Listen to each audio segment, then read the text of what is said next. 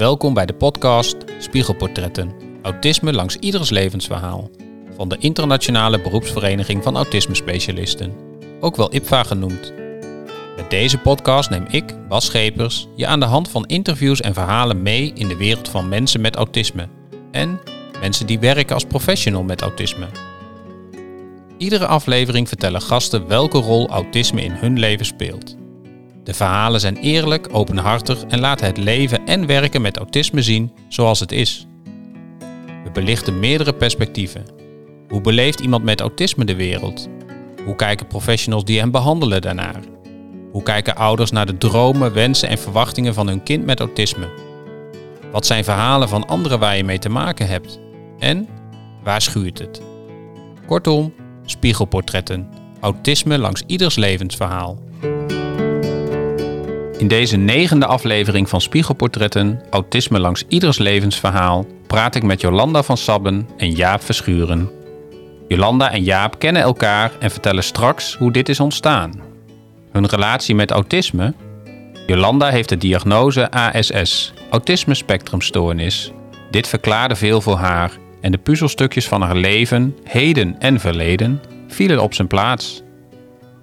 Met onder andere deze nieuwe zelfkennis is ze Bright Steps begonnen.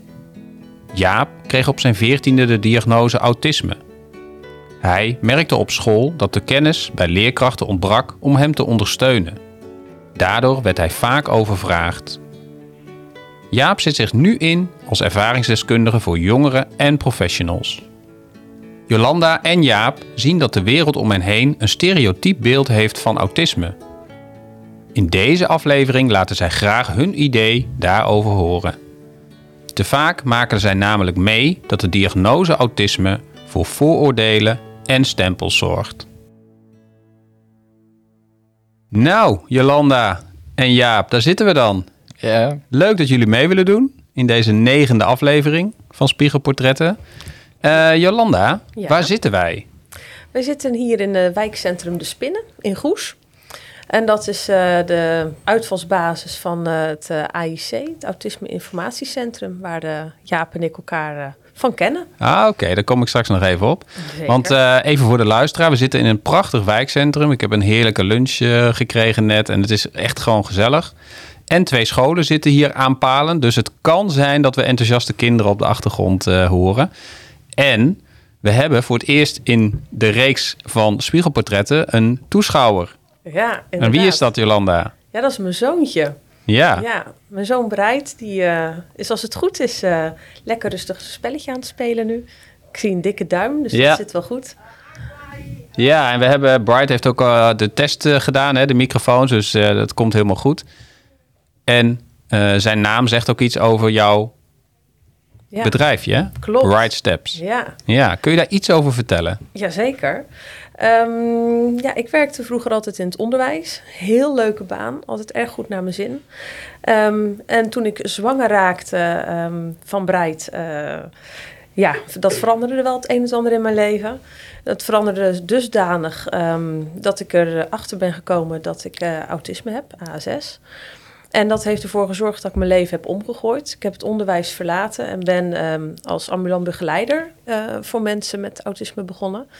En omdat dat dus is ontstaan vanuit mijn zwangerschap van Bright, heb ik eh, zijn naam in eh, de naam van mijn bedrijf eh, verwerkt. Ja, dus eh, hij is elke dag bij je eigenlijk. Ja, Ja, ja. mooi hoor. hey Jaap, kom jij hier vaker?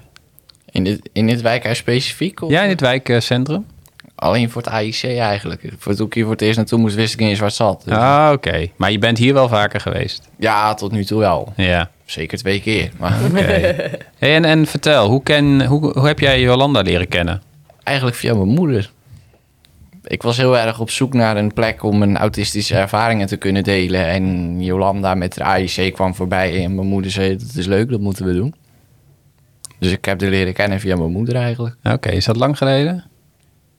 Niet echt. Nou, dat is eh, afgelopen oktober geweest. Ja, Toevallig heb ik het eh, vandaag nog opgezocht. Afgelopen oktober? Afgelopen Ah, oktober. oké. Ja, heel Ja. recent. Ja. En, en je voelt dan wel eh, de ruimte en vertrouwen om Jaap uit te nodigen voor deze podcast. Jazeker. Dus het contact was gelijk goed. Ja, Jaap is een ontzettend leuke, lieve, open, eerlijke jongen. Oké. En ja, als er iemand is die goed erover kan vertellen, is Jaap dat. Ja, ja, klopt dat? Al die mooie woorden over jou. Ja, die kan ik weer in mijn zak stoppen. Ja, en ze staan op de, op de podcast, hè? Dus Ik kan ze ook nog een keer terugluisteren, opnemen. Als ik dan niet een keer een enorme ruzie krijg hier, dan kan ik het nog altijd dan kan je dit altijd gebruiken. En Jaap, dat, dat heb ik begrepen hè, uit ons voorgesprekje. Op je 14 heb je de diagnose autisme gekregen. Ehm, kan je daar iets over vertellen? Van hoe is dat traject gegaan? Het, het traject van de diagnose stellen, het, het vaststellen ervan. Nou, dat begon eigenlijk op school. Want je merkt natuurlijk dat je anders bent als de andere kinderen op een gegeven moment. Dat je anders denkt, dat je tegen andere dingen aanloopt. Dat je, dat je gewoon anders in elkaar zit. Dus mijn moeder die zei al heel lang, ik denk dat je autistisch bent. Toen zei ik om mijn veertiende, allemaal leuk, maar dan wil ik het ook nu weten. Dus dan gaan we nu zo'n test aanvragen en dan gaan we het nu doen. Oké, en wat, waar, merkte je zelf ook dat je anders was? Of anders, Nee. ander gedrag vertoonde? Niet, niet echt, maar als je elke dag hoort dat je anders in elkaar zit als de andere 23 kinderen... dan denk je op een gegeven moment, wel, er zal er wel een kern van waarheid in zitten. Oké, dus je kreeg het van anderen te horen. Ja, Dat, je anders, dat je je anders gedroeg. van mijn moeder en eh, Ja, vooral familie, zeg maar. oké. Oké, terug. Dus toen heb je zelf gezegd, nou dan wil ik ook nu onderzoek doen. Ja, dan wil ik ook nu weten wat het dan is. Ja, Dus het is uit mezelf gekomen en ik me, toen ben ik die test gaan doen. En dat eh he- hele aardige vrouw bij wie ik dat gedaan heb. Ik zou alleen de naam even niet meer weten. Maar eh, mocht ze het per ongeluk luisteren, ik vond het heel vriendelijk. oké. En eh, ik weet nog dat ze op een gegeven moment zei... ja, als er bij jou niet uitkomt dat je autistisch bent, dan eet ik mijn hoed op. Dus nou ja, ik neem alles letterlijk. Dus ik nam mijn hoed mee met die uitslag toen. Want ik dacht, als het dan niet zo is, dat moet ik dan toch... Ja, maar ja, dan... ja. En maar de uitslag was... Autistisch was. Ah, Oké. Hoeveel tijd zit er tussen dat, de, de start van zo'n test en voordat je de uitslag hebt? Of de, de diagnose hebt? Dat Weet je dat nog? Voor mij veel te lang in ieder geval. Ah, Oké. Ik weet maar- niet meer hoe lang precies. Ik denk dat het een maand of twee geweest Ah, is. Oké, ja. Dus echt wel... eh, in- dan moet je in maanden denken. Ja, Ja.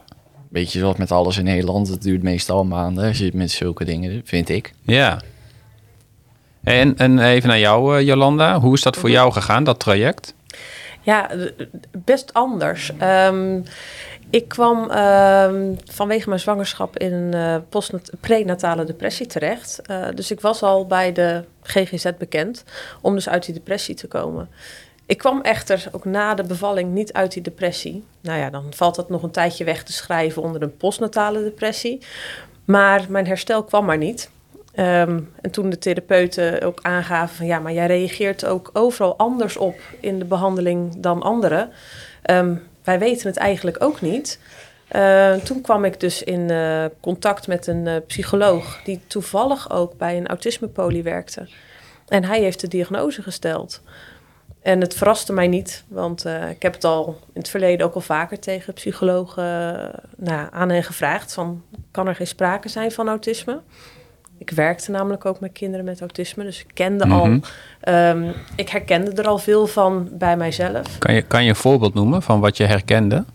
Eh, behoefte aan structuur, eh, de overgevoeligheid voor prikkels, eh, het verwerken van, van druktes, sociale moeilijkheden.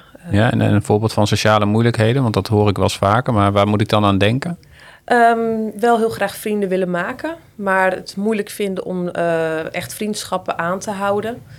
Oké, Dus, eh, ja, dan Ja. heb je wel een vriendschap, maar ja, wat moet je dan eigenlijk Ja. mee? Wat wordt er van me verwacht? volgens mij wordt er op de achtergrond een etenskar eh, ja, verreden. Ja. Hey, en, en bijvoorbeeld zo'n podcast als dit, zo'n moment, vind je dat dan... eh, Ja. Hoe is dat voor jou? Te spannend. Te spannend. Nou ja, niet, niet te in de zin van hier ben ik eh, helemaal van, oversla- eh, van overstuur of zo, maar dit is wel heel Ja, spannend. oké. Nou, je ik kunt weet, het ook niet voorbereiden. Nee, nee, nee. En ik weet dat ook... eh, we maken meerdere podcasts, dat bijna iedereen vindt het wel even spannend. Ja. Dus eh, oké, hoe is dat voor jou, Jaap? Zo, dit, zo'n podcastopname? Ik, ik, heb dat dan, ik heb daar dan minder zenuwen bij, want ik weet niet wat ik Ja. kan verwachten en het is nieuw. Dus dan ga je al snel erin met, nou ja, ik zie het allemaal wel. Oké, ja. En dan in de, krijg je op een gegeven moment, als je onderweg hier naartoe bent, krijg je wel zenuwen. Want dan denk je, oh, het komt nou allemaal wel heel dichtbij. Maar als je dan zit, dan denk je, nou ja, ja. En hoe is het nu voor jullie? Oké? Ja, dat, zakt al. Oké. En Jaap, nog even terug naar jou. Eh, Jolanda noemde wat voorbeelden van waar zij moeite mee heeft... of wat voor haar spannend is of wat wat lastiger is. Wat, heb jij daar een voorbeeld van bij jezelf? Ja, dat vrienden willen maken en dat het niet lukt, dat herken ik wel in herkende ik in, bij mezelf. In de eerste en tweede klas van de middelbare school wou ik dat heel erg. En dat veranderde een beetje in de derde klas, omdat ik dacht van, nou ja, dan geen vrienden. In mijn eentje vermaak ik me prima. En toen werd het zo dusdanig erg dat ze op school dachten dat ik heel eenzaam zou zijn of zo. Omdat ik ook altijd buiten de rest van de school om ging zitten, omdat ik er helemaal geen behoefte meer aan had toen. Mhm. Maar verder ook natuurlijk inderdaad dat heel erg verlangen hebben naar structuur en duidelijkheid. En als je aan het werk bent, ergens naar hele duidelijke regels verlangen die je niet altijd krijgt. Ja. ja, helder. Duidelijk. En Jolanda, je, je hebt de diagnose heb je gekregen eh, en dan gaat het leven verder. Welke rol speelt autisme nou, van nu, in jouw leven? Eh, nou ja, ik, doe het, eh, ik werk inmiddels ook eh, met mensen met autisme. Dus het heeft eigenlijk mijn leven helemaal overgenomen. Ja, Zowel privé als dus eh, professioneel. Privé eh, heeft het het overgenomen omdat ik nu eigenlijk een rijker privéleven heb. Omdat ik mijn eigen grenzen gewoon beter nu kan aanvoelen en kan inschatten. Dus ik daarmee ook meer kan doen. oké, dat is voor jou rijker. Ja. Meer kan doen, ja. Nou ja, en ehm, meer doen, dat is dan niet per definitie een vollere agenda, maar wel eh, er meer van kan genieten, meer eh, bewust dingen kan gaan doen. En dat, eh, zo zie ik meer. Ja, Want een volle agenda is niet per definitie de bedoeling. nee. Zeker niet. Nee, dat, dat- weet ik nu sinds de diagnose.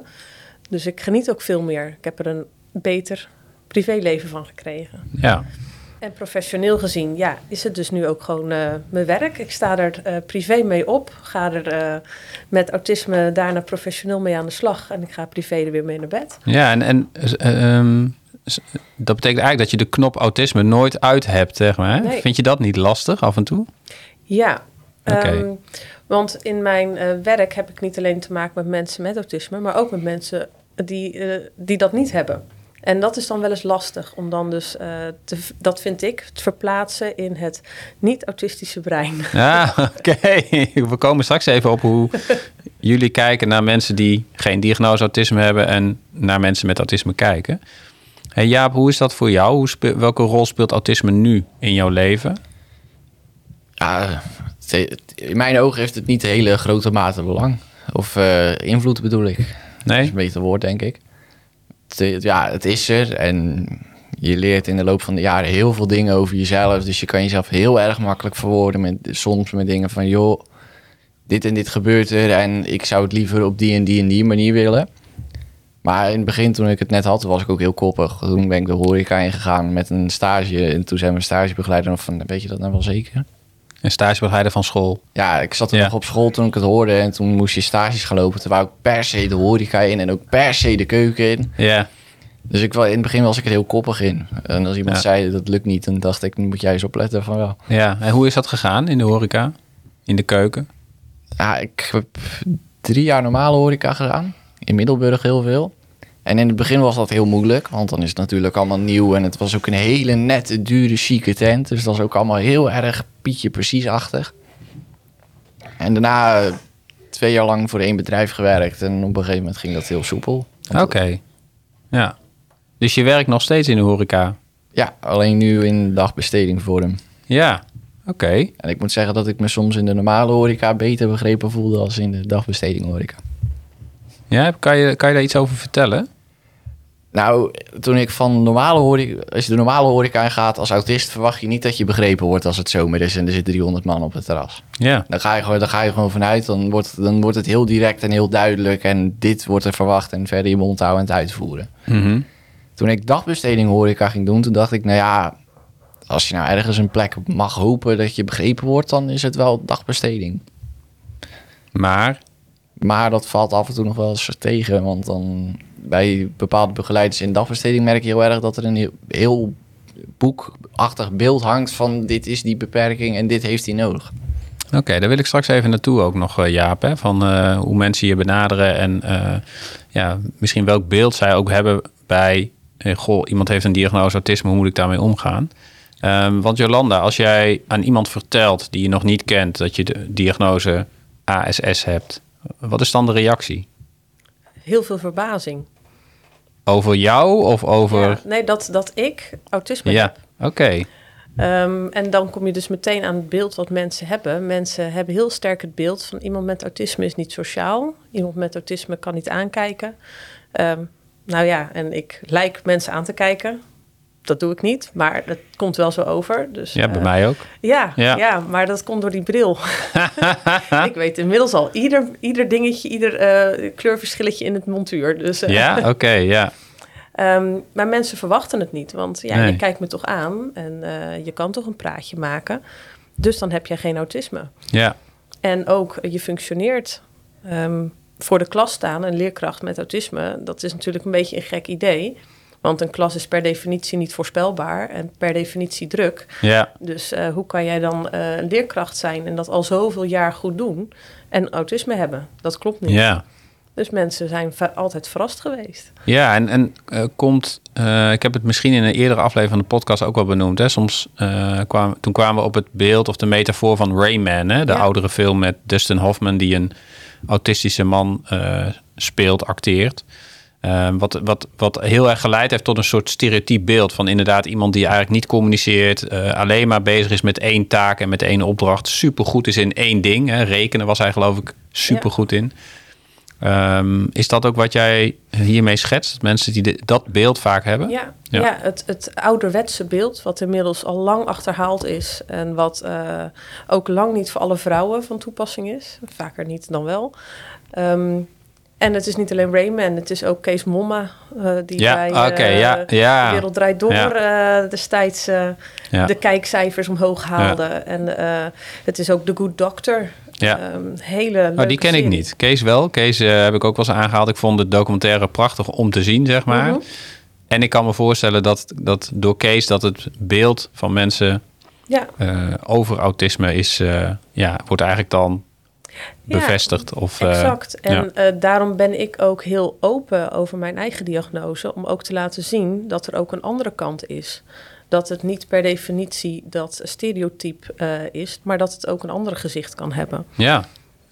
Ja, hoe is dat voor jou? Als jij mensen vertelt die je nog niet kent dat je autisme hebt of de diagnose autisme, wat is, wat is de reactie?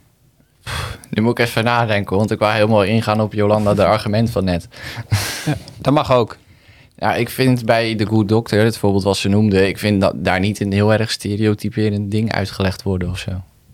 Ik vind wel dat die acteur dat heel goed speelt, maar ik vind, die- ik vind het niet heel stereotyperend als je de rest van het verhaal bekijkt. Dat wil ik Ja, nog oké. even op zeggen. Ja, want voor Ja. mij, hè, want ik ken de serie niet. Ik ken alleen de naam, maar ik weet niet waar het over gaat. Ik kan er iets raden, maar misschien luisteraars ook niet. Kan je in, in twee, drie zinnen even vertellen waar The Good Doctor over gaat? Dat gaat over een jongen met autisme en een ziekenhuismanager die vindt dat een jongen met autisme ook een plek in, in een ziekenhuis als arts moet hebben en daar eigenlijk heel goed in is, omdat hij heel veel boeken gelezen heeft vroeger.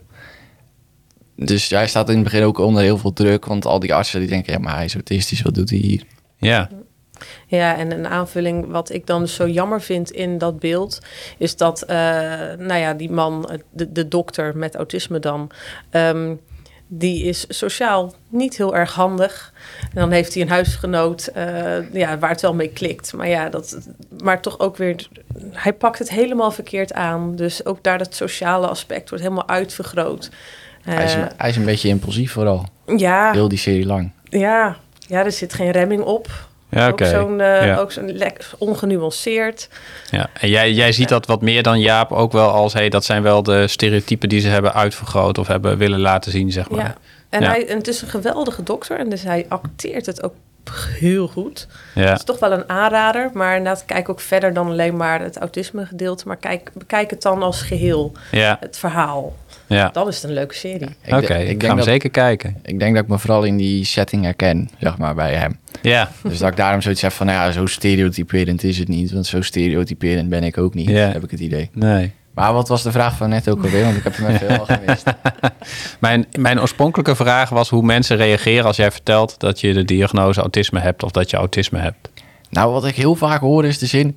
Ja, maar iedereen is wel een beetje autistisch. Oh ja, dat, Dat- kan ik ook heel slecht Dat hoor je tegen. heel veel. Maar Ja. verder hoor ik niet van... Hey, autistisch? Jij? Ja. Hè? Hoe, hoe komt dat, denken jullie? Want dat was natuurlijk ook een vraag van mij. Hè? Wat maakt dat mensen op deze manier op jullie reageren? Maar wat maakt, wat denken jullie dat mensen reageren met ja, maar iedereen is wel een beetje autistisch of heeft autistische trekjes? Wat, Jolanda, wat is jouw idee daarbij? Nou ja, ik denk, uh, er zit natuurlijk bij iedereen een bepaalde herkenning in. En dat triggert ook die op, die daarom maken ze die opmerking ook. Want ja, ik heb ook bijvoorbeeld moment behoefte aan structuur. Of uh, iedereen die heeft wel iets van, oh ja, dat heb ik ook. Maar wat het mij persoonlijk uh, pijnvol, pijnlijk maakt, is ja, iedereen heeft dat wel eens, maar ik heb het altijd. Oké. Okay. En um, ik voel me daar dan toch een beetje mee weggezet. En dat is, ja, zo van, ja, maar ik moet er wel gewoon altijd mee dealen. Ja, want hoe reageer jij als mensen dit, dit teruggeven? Uh, ik reageer er een beetje zo van, ja, dat klopt. Oké. Dus ik klets erin mee, maar ondertussen steekt het me wel. Ja, snap ik. Oké, ja. En jij Jaap, wat, uh, wat is jouw reactie als ja. mensen dat teruggeven? Ja, meestal als ik dan zeg maar hoor, ja, maar iedereen is wel een beetje autistisch. zeg ik, ja joh, is goed met je. Houd toch, ja. houd toch op. Ja, ik hoor, ik hoor bij jullie beiden van, en, en ik ben even benieuwd of er, wat daarachter zit, dat je niet op dat moment een discussie aangaat of probeert om het uh, recht te zetten, zeg maar. Hè? Nou, ik denk ook dat um, andere mensen, dat neurotypische mensen ook op, ze kunnen heel erg hun best doen, maar oprecht niet kunnen invoelen hoe het echt is om het te hebben. Mm -hmm. En um, net zo goed als dat ik heel erg mijn best kan doen om een neurotypisch iemand te begrijpen, um, gaat het mij ook niet echt lukken. Nee. Het gaat natuurlijk twee kanten op. En ik wil niet vervallen in een wel eens niet discussie of uh, zoiets. Ja, zonder Ja. van de energie. Ja, en dat geldt voor jou ook, Jaap. Ja, meestal denk ik die discussie gaan voeren, dat heeft geen nut. Want Nee. daar- kom je toch niet uit. Ja. Want- en, mijn sorry. moeder- en mijn moeder zegt altijd, eh, jij praat Russisch en de rest van de wereld Chinees. Dus dan heeft dat, dat heeft geen nut. Nee. Ja. Hey, en ehm, wat is nou, naar jullie idee, het grootste misverstand van eh, over mensen met de diagnose autisme van mensen die die diagnose niet hebben? Jolanda, ik begin bij jou. Zoveel om uit te kiezen. Ja. Ja, en onderaan de streep komt het denk ik allemaal uit op ehm, eh, dat we minder zijn. Minder. Ja, Oké.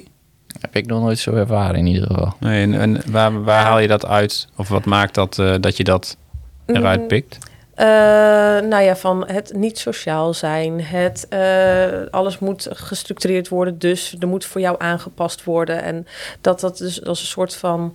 ehm, eh, ja, hoe, hoe- minder in de zin van. apart met een negatief smaakje. Oké.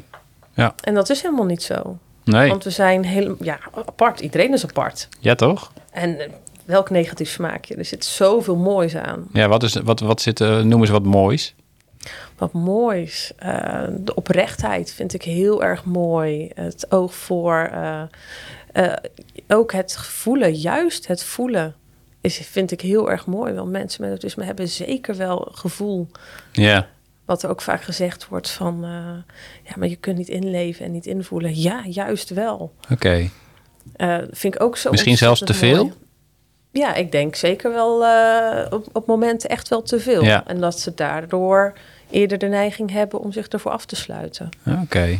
Wat is, ja, naar jouw idee, het grootste misverstand Ja, over mensen met de diagnose autisme? ik denk dat je dan toch weer beeld, ook wel weer terugkomt op het punt dat er een bepaald beeld hangt. En dat als je niet in dat beeld past, of niet voor grotendeels in dat beeld past, dat je heel erg overschat kan worden. Oké. Dus je wordt overschat als autist. Van ja, maar je praat best makkelijk en eh, je, je maakt ook nog wel eens een geintje. Dus nou want- het, het zal wel meevallen. Want het beeld, even als we hem helemaal plat slaan, het beeld is: eh, het zijn mensen die niet kunnen lachen, moeilijk kunnen praten, eh, een andere niet aankijken, eigenlijk communicatief gewoon niet, niet goed zijn, niet sterk De plank zijn. volledig misslaan. De plank volledig misslaan, geen gevoel hebben. Nou, nu, nu doe ik dat aankijken grotendeels van de tijd ook niet. Maar Nee, nou moet ik zeggen dat ik heb geen diagnose autisme, maar ik kijk ook niet altijd iedereen aan. Hè? Dus dat is, ja. En jij zegt, als je niet in dat beeld past en ik heb wel de diagnose, dan word ik overschat. kom je heel snel in overschatting en overvraging inderdaad. Want Ja. mensen overvragen je heel snel dan. Heb je een voorbeeld van of een situatie waarin je bent overvraagd? Heb je even? Ik heb voorbeelden genoeg hoor. Maar Ja, want dan ga ik eerst naar Jolanda. Mag jij nog even nadenken over een voorbeeld? Jolanda, herken je dat, dat je overvraagd wordt? Ja, Ehm, want naast dan eh, wat ik zeg van het eh, beeld van dat je minder bent, eh, als je dan dus juist heel sterk overkomt, omdat je dus misschien heel verbaal bent of nou ja, heel zelfredzaam overkomt, wil niet zeggen dat je in je hoofd niet heel druk bezig bent om alles zo eh, goed mogelijk op orde te krijgen. Ja. En eh, die overschatting, die herken ik wel. ehm, dat dus bij een verjaardag, ehm, ja, dan kan ik zeker wel heel veel praatjes hebben met mensen. Maar na een uur ben ik toch echt wel op. Ja. En dan? Eh, ja, dan ga ik het liefst naar huis. Oké. Maar dat wordt dan wel, wel gek gevonden. Ja. En als ik dan, dan toch langer blijf zitten, ja, dan heb ik daar de volgende dag eh, heb ik daar last van. Ja. Want dan moet ik echt bijkomen. Ja. Ehm, en dan, ja, dat wordt dan, eh, ja, dan word je toch wel overvraagd. Ja, blijf nog even zitten, blijf nog even zitten. Ja. Terwijl dat je toch aan alles in je lijf voelt, ja, het is toch echt beter dat ik weg. Ja. Zeker Ze- als ik morgen nog wat wil ja. doen. Dan moet je ook echt je grenzen durven aangeven. Ja. Heb je een voorbeeld gevonden, Jaap? Ja, ja, ja ik, ik, ik heb er één. Vertel. Nou, Dat is, ik, dat is natuurlijk als je in de horeca werkt, word je heel snel overschat. Dat is gewoon zo. En heel snel overvraagd. En ik heb ooit één keer gehad op een werkplek. Ik ga hem niet noemen, want voor, voor hetzelfde geld... eh, ja. Toen moest ik iets doen bij de afwas en dat begreep ik niet meteen, want dat had ik nog nooit gedaan. En ik kwam daar ook wel een beetje binnen met, ik ben de man met de ervaring na zes jaar. En eh, toen had ik het een paar keer gevraagd en zei ja, maar eh, dat, dat, snap je toch? Eh, toen kreeg ik uiteindelijk hulp. Toen ik voor de tiende keer zei, nou ja, ik weet niet, ik kom niet omdat ik het niet, om leuk te doen of zo. Ik snap het gewoon echt niet. Ja. Dus op dat, dat soort dingen, de- dat ze dan af en toe denken dat je loopt te dolle op het moment dat je wat vraagt. Dat iedereen er zit, ja, maar dat snap je toch? Daar kan je toch zelf over nadenken? Ja. Maar wel goed en knap dat je dan toch blijft vragen. Ook na die tiende keer. Ja, omdat ik het toch gewoon, ik moet het gewoon weten op dat moment. Ja, nee, maar dat vind ik, eh, dat, ik vind dat soms zelfs nog wel eens lastig. Om dan toch, eh, als iemand me dingen heeft uitgelegd, dat ik dan denk, ja, maar ik begrijp het niet. Oh, misschien toch nog een keer vragen. Dan twijfel ik. Nou, Nou, en- hij had het me niet uitgelegd. Het ging ervan uit dat ik het meteen begreep. Ah, oké. Oké. Nou, en ik vind het dan ook zo, eh, dan vind ik het belangrijk dat mensen dus eh, ook die ruimte geven om die vraag te stellen. Mhm. Ehm, want dat is iets wat ik dan ook wel weer heel erg merk. Eh, nog los van dat ze ervan uitgaan dat je dat tussen de regels door allemaal hebt begrepen. eh, of in ieder geval dat je al zonder een duidelijke uitleg weet waar het over gaat. Ehm, vragen stellen. Ze zeggen wel eens domme vragen bestaan niet. Maar als je een vraag stelt omdat je het oprecht wil weten... kan je toch wel heel erg eh, erop afgerekend worden. Want het is wel een hele domme vraag dat je dat stelt. Ja. Ja, of je krijgt een heel dom antwoord. ja, maar, ja. En, wie, en wie is er dan dom? Ja, dat. Dan, stel je bijvoorbeeld, dan stel je een vraag over iets, heel kleins... en dan krijg je echt een antwoord waarvan je denkt... ja, maar dit vraag ik überhaupt Nee. niet. Hey, en Jaap, ik wil nog heel even terug, want je eh, vertelde ook eh, de diagnose autisme op je 14-jarige, op 14-jarige leeftijd. Eh, toen zat je op school. Eh, nu werk je vanuit de dagbesteding, als ik het goed heb, in eh, het restaurant van een ziekenhuis. Kan, Ja. je, kan je mij kort even schetsen hoe die reis van school toen naar uiteindelijk het restaurant in het ziekenhuis is gegaan? Dat wordt, dat, wordt een heel, dat wordt een heel kort verhaal. Eh, Moet ik dan beginnen in de brugklas of vanaf het moment dat ik die diagnose kreeg? Vanaf het moment dat je de diagnose kreeg. Toen ging ik net naar de derde klas van de middelbare school. Ja, Dus dan moest je ook van school wisselen, want ik deed VMBO. En als je VMBO deed, dan moest je van school wisselen in de derde. Dat was ook eh, verandering op verandering. Maar toen kreeg ik die diagnose en toen ben ik op mijn... Ook in dat jaar ben ik de horeca ingegaan in Middelburg. En- vanuit school. Ja, Dus- vanuit ja. school, want ik deed pre-MBO en dan haalde je geen VMBO-diploma, maar een MBO 1-diploma. Oké, ja. En ik wou de richting horeca in, want de andere richtingen waren volgens mij verkoop. Nou, ik vond vakken vullen, daar vond ik niks aan. Kinderen, nou ja, mij niet bellen. Dus dan bleef horeca vrij snel over. Ja, En toen heb ik dat gedaan tot het eind van mijn middelbare school. En dan moet je natuurlijk een vervolgopleiding gaan doen daarna. En mijn mentor die zei toen al van, nou ja, ik zie jou geen vervolgopleiding doen. Dus je zou wel aan het werk gaan. En toen kwam mijn moeder eigenlijk met, nou, ga dan de dagbesteding in, want dat mag gewoon. ja. Dus toen heb, ik- ben ik dat gaan doen. Oké. Zit je op je plek? Nu wel, heel lang niet. Maar, Hoe komt dat dat je nu op je plek zit? Nou, het is een hele, heel klein clubje en mensen zijn daar ook altijd super gezellig. Dat vind ik ook altijd het hele mooie aan mensen met nog grotere beperkingen dan autisme. Die worden echt gelukkig van helemaal niks. Ja. Vind ik, vind ik echt geweldig om te zien altijd. Dus het is gewoon een hele kleine club en het is heel gezellig. En het is een mengelmoesje van alles, maar dat maakt het meestal ook wel leuk. Ja, nou goed om te horen. En Jolanda, is, ehm, we hebben een deel van het verhaal. Jaap heeft al best wel wat over zichzelf verteld. Eh, is Jaap, eh, kan Jaap ook bij jou in de praktijk komen? Of komt Jaap bij jou in de praktijk? Met andere woorden, eh, zie jij mensen voor je werk zoals Jaap? Ja, die zie ik zeker. Jaap dan niet. Nee, oké. Jaap heeft hele goede begeleiding om hem heen. eh, dus eh, dat, dat loopt. Ja. Ik, ik heb een heel management aan begeleiders. Ja, ja een heel, hele entourage. Maar kan je daar iets over vertellen? Wel- welke, eh, met welke vraag mensen eigenlijk bij jou komen? Bij Bright Steps. Ja, dat is heel divers. Eh, het gaat van ehm, help mijn zoon eh, met autisme, die zit al een paar jaar binnen eh, met, achter de computer en ik krijg hem niet eh, zijn kamer uit. En hij is een drop-out. En eh, nou ja, hoe krijg ik hem in beweging? Dat is een, eh, een leerkracht die zegt van ja, ik leg wel van alles uit aan eh, deze leerling met autisme, maar nou ik kan net zo goed niks zeggen, want er komt niks binnen. Nee. Hoe kom ik toch over? Dat is, eh, ja. En alles wat, oh ja, ook iemand die gewoon zijn huishouden, ja, niet op, op de rit krijgt, omdat hij het gewoon niet overziet. Waar moet ik beginnen? Eh, het is echt heel divers. Ja. En het gaat echt van, eh nou, de jongste in de praktijk is nu vijf en de oudste is eh 63.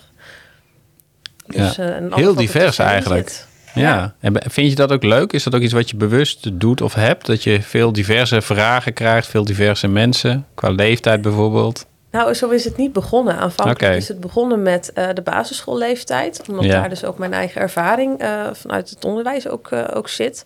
Ehm, maar goed, autisme, dat, dat houdt natuurlijk niet op bij een bepaalde leeftijd. Nee. En, ja, goed, dat is gewoon zo ontstaan. Ja.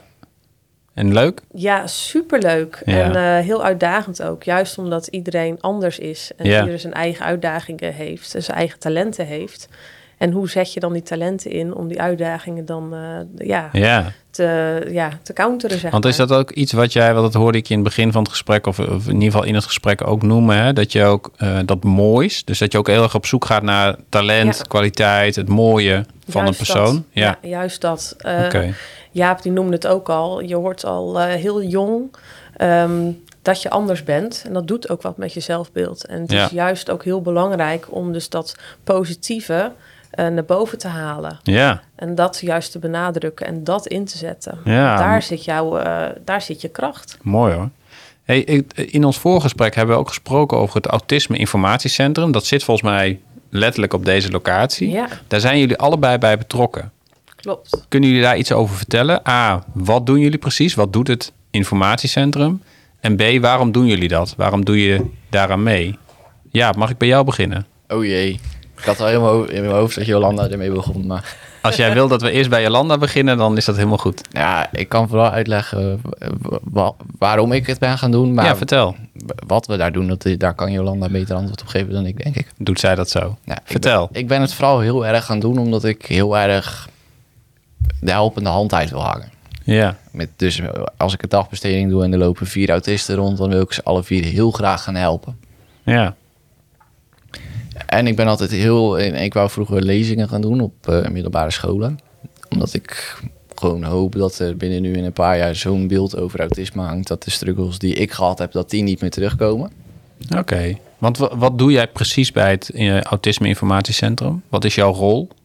Ik ben momenteel vrijwilliger. Oké, Dus eh, een beetje. Ik ben, ik ben nogal heel enthousiast hoor als ik daar ben. Want dan ga ik ergens bij zitten. En als ik dan, Ja. zit ik naar Jolanda de uitleg te luisteren. En dan kan ik ook af en toe nog wel zeggen. Ja, wat je nu zegt, dat slaat nergens op. Dat moet je anders uitleggen. maar jij vertelt over je eigen ervaringen ja. Aan, aan andere mensen met, Exact. met de diagnose autisme, of die daar misschien interesse in hebben of mee te maken hebben. Nou, het is exact dat. Eh, bij het eh, Autisme Informatiecentrum hebben we inloopmomenten. En iedereen die iets met autisme te maken heeft, maakt niet uit in wat voor vorm, als, omdat ze het zelf hebben of een familielid, of maakt niet uit, die eh, mag binnenlopen en zijn verhaal doen of vragen stellen. Ehm, en er zijn dan vrijwilligers. En eh, Jaap is een van die vrijwilligers. Ik ben ook een vrijwilliger. We doen het allemaal eh, vrijwillig. Ehm, wij luisteren en vertellen uit eigen ervaring hoe dat wij ja, dingen misschien kunnen we adviezen geven, of kennen we personen. En het mooie is, ehm, we doen het allemaal vanuit onze eigen eh, ervaring. Ja, En Jaap heeft natuurlijk een heel andere ervaring als die ik heb. ja, Al is het alleen maar Jaap eh, is een stukje jonger. Jaap is toch echt een man en ik niet. Eh Jaap, Vanochtend nog wel in ieder geval. ja, nou ja. en ik denk niet dat dat veranderd is in de tussentijd. Ehm, en omdat iedereen het vanuit zijn eigen ervaring, eh, vanuit zijn eigen ervaring deelt, is het zo mooi als er verschillende type mensen zijn. Want ja, Jaap die kan inderdaad eh, zeggen van, nou ja, bij mij was dat helemaal niet zo. ja. Dit ging over een moeder eh, met een puberende zoon. Het ging, over, ging volgens mij over een buurvrouw met een puberende buurman. Oh, oh was het Met een autistische buurman, niet met een puberende buurman. Nou ja, kijk, en iedereen die vertelt ja, uit zijn eigen ervaring. En ja, ik kan wel vertellen hoe het bij mij is gegaan. Maar goed, zo, hij heeft Ja. een andere ervaring. En dat Ja. maakte zo'n autisme-informatiecentrum heel rijk. Ja, want wat, wat is de reactie van mensen die het Autisme Informatiecentrum bezoeken en jullie verhalen horen? Wat krijgen jullie terug? Vooral heel veel da dankjewel. Ja, Oké, Oh, ik wist dit niet en nu weet ik dit wel. En ja, en ook heel veel ehm, herkenning. Oh, ik ben niet de enige. ja, Dat is ook, dat vind ik heel mooi ook om te horen. Want dat is ook het hele idee hiervan. We zijn niet, eh, ja, er zijn er zoveel meer. ja, En hier in Zeeland hebben we nu één autisme-informatiecentrum. En, eh, ja, en heel veel mensen met autisme, ja. maar we horen het niet van elkaar. En nu wel. Nu wel, ja. Hey, want Jaap, jij zei van als ik door deze rol als ervaringsdeskundige of door mijn verhaal te vertellen eh, kan zorgen dat de ervaringen die ik heb gehad, dat anderen die niet krijgen. Kun je daar één voorbeeld van noemen wat je zou willen veranderen? meer begrip voor autisme in het algemeen op middelbare scholen. Want ik, ik heb ooit een keer, een, dat is een perfect voorbeeld dit. Ik heb ooit een keer een stagegesprek gehad voor een stageplek. Toen kwam dat net naar boven en toen zei mijn stagebegeleider, dit is Jaap, hij is autistisch. Maar wat dat inhoudt, ik zou het niet weten. Oké.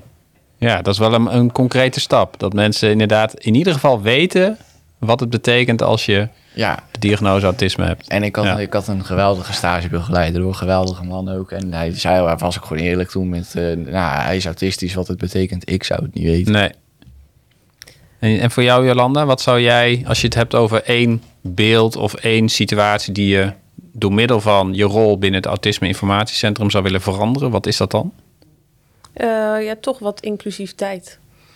Dus erbij horen in plaats van er buiten staan. Oké. Ja, hangt dat samen met dat minder voelen, minder zijn? Of het beeld dat je... Ja, maar ook, om, ook het samen doen. En wat, wat Jaap ook zegt, leuk als iemand dan zegt van... ja, wat het is, geen idee. Ja, Maar Jaap is degene die het wel weet. ja, En betrek hem er dan bij eh, om erachter te komen. En pak het dan samen op in plaats van iemand buitenspel te zetten. ja, En ehm, dat zou ik wel heel mooi vinden als dat hier ontstaat. Eh, dat, dat, eh, dat er kennis is, enerzijds. Maar ook dat we dus ook met elkaar, ook als we de kennis niet hebben... Ja, ook Is als het, we de- is, het, is het Bright die we af en toe op de achtergrond ja, horen? Ja, zijn verkoudheid eh, Ah. komt nu opzetten. Hey Bright.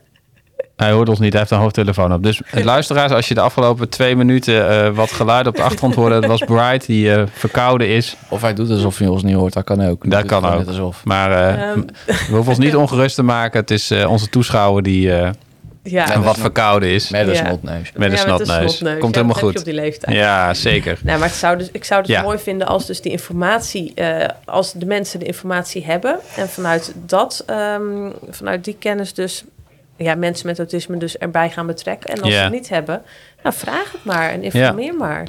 Hey, want eh, ik ga naar een einde toe. Hè? Maar stel, we hebben een toverstafje en de wereld ziet eruit zoals je zou willen. Mhm.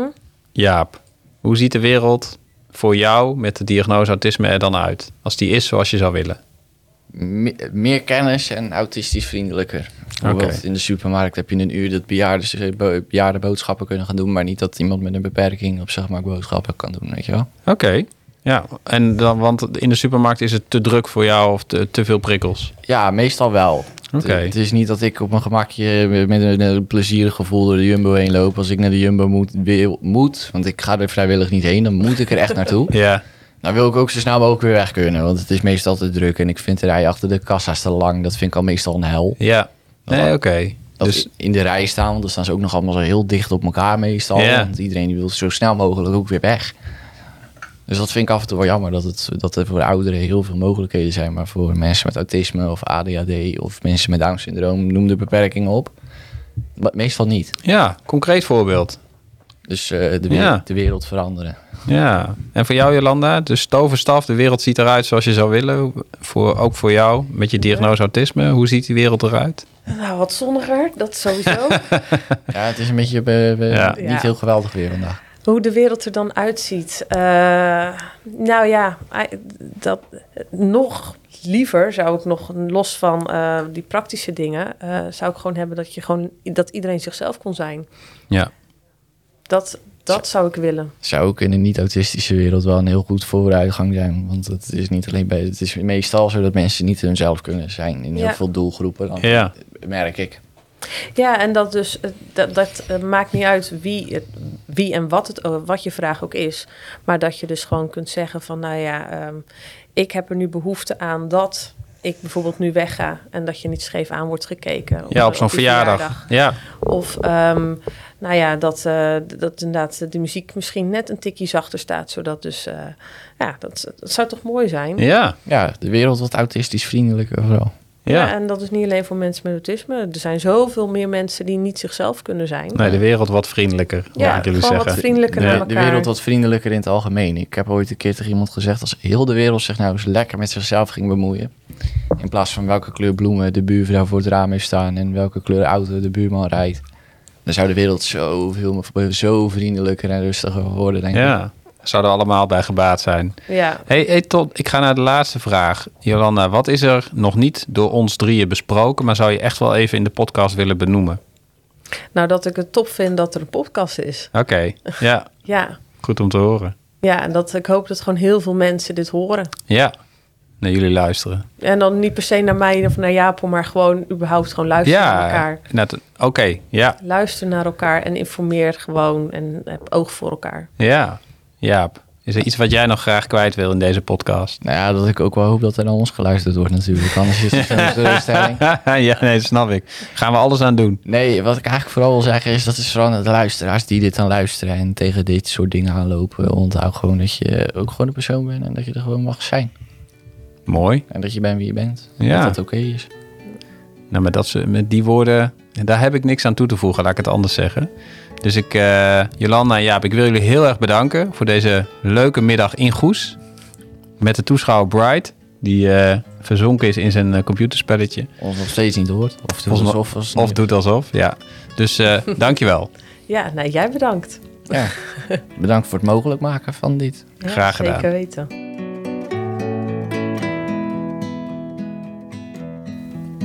Dit was de negende aflevering van Spiegelportretten. Autisme langs ieders levensverhaal.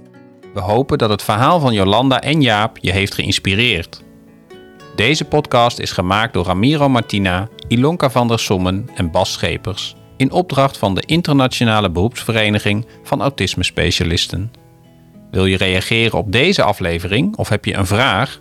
Mail naar contact.ibva.info. Tot de volgende aflevering.